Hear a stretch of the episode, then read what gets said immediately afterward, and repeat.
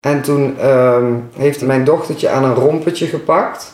Dus opgetild van als je van plan bent om te vertrekken, dan verzuip ik haar hier aan de overkant.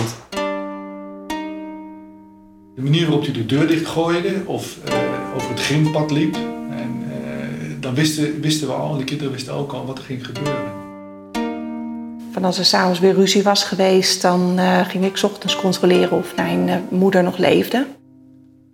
En ik zeg, ik wil aangifte doen. Ik, wil, ik kan niet meer, ik kan niet meer. Ik was doodsbang. Ik vind het nog moeilijk. Ieder jaar krijgen ruim 300.000 volwassenen en kinderen te maken met huiselijk geweld.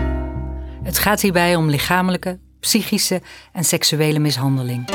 Hoe kom je in zo'n situatie terecht? En wat doet het met je? De schaamte en de angst, dat, dat is gewoon een hele grote obstakel. Het is gewoon net alsof ik nog niet meer besta. Ik ben me op een gegeven moment ben ik me eigenlijk heel erg als een aangepast kind gaan gedragen. Van uh, bang voor de boosheid en de onvoorspelbaarheid van mijn vader. Niemand die mij hoort, niemand die uh, erop reageert. Ik vertrouwde niemand meer. Wat is nodig om dit geweld te doorbreken?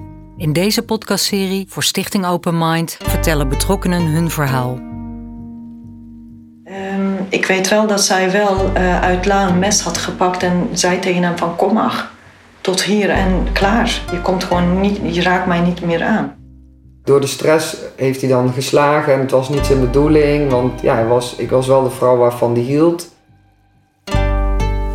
Nou ja, ik ben blij dat ze nog naast me zit. en dat ik de goede dingen heb kunnen laten zien, zeg maar.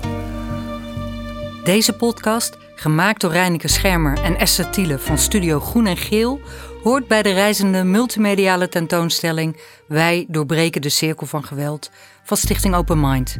De eerste aflevering van de podcast is begin januari beschikbaar via Apple of Spotify. En is ook te beluisteren via een QR-code op de locatie van de tentoonstelling. De tentoonstelling is vanaf 8 december te zien in Breda en reist daarna naar verschillende steden. Kijk voor locaties en data op stichtingopenmind.nl/slash wij.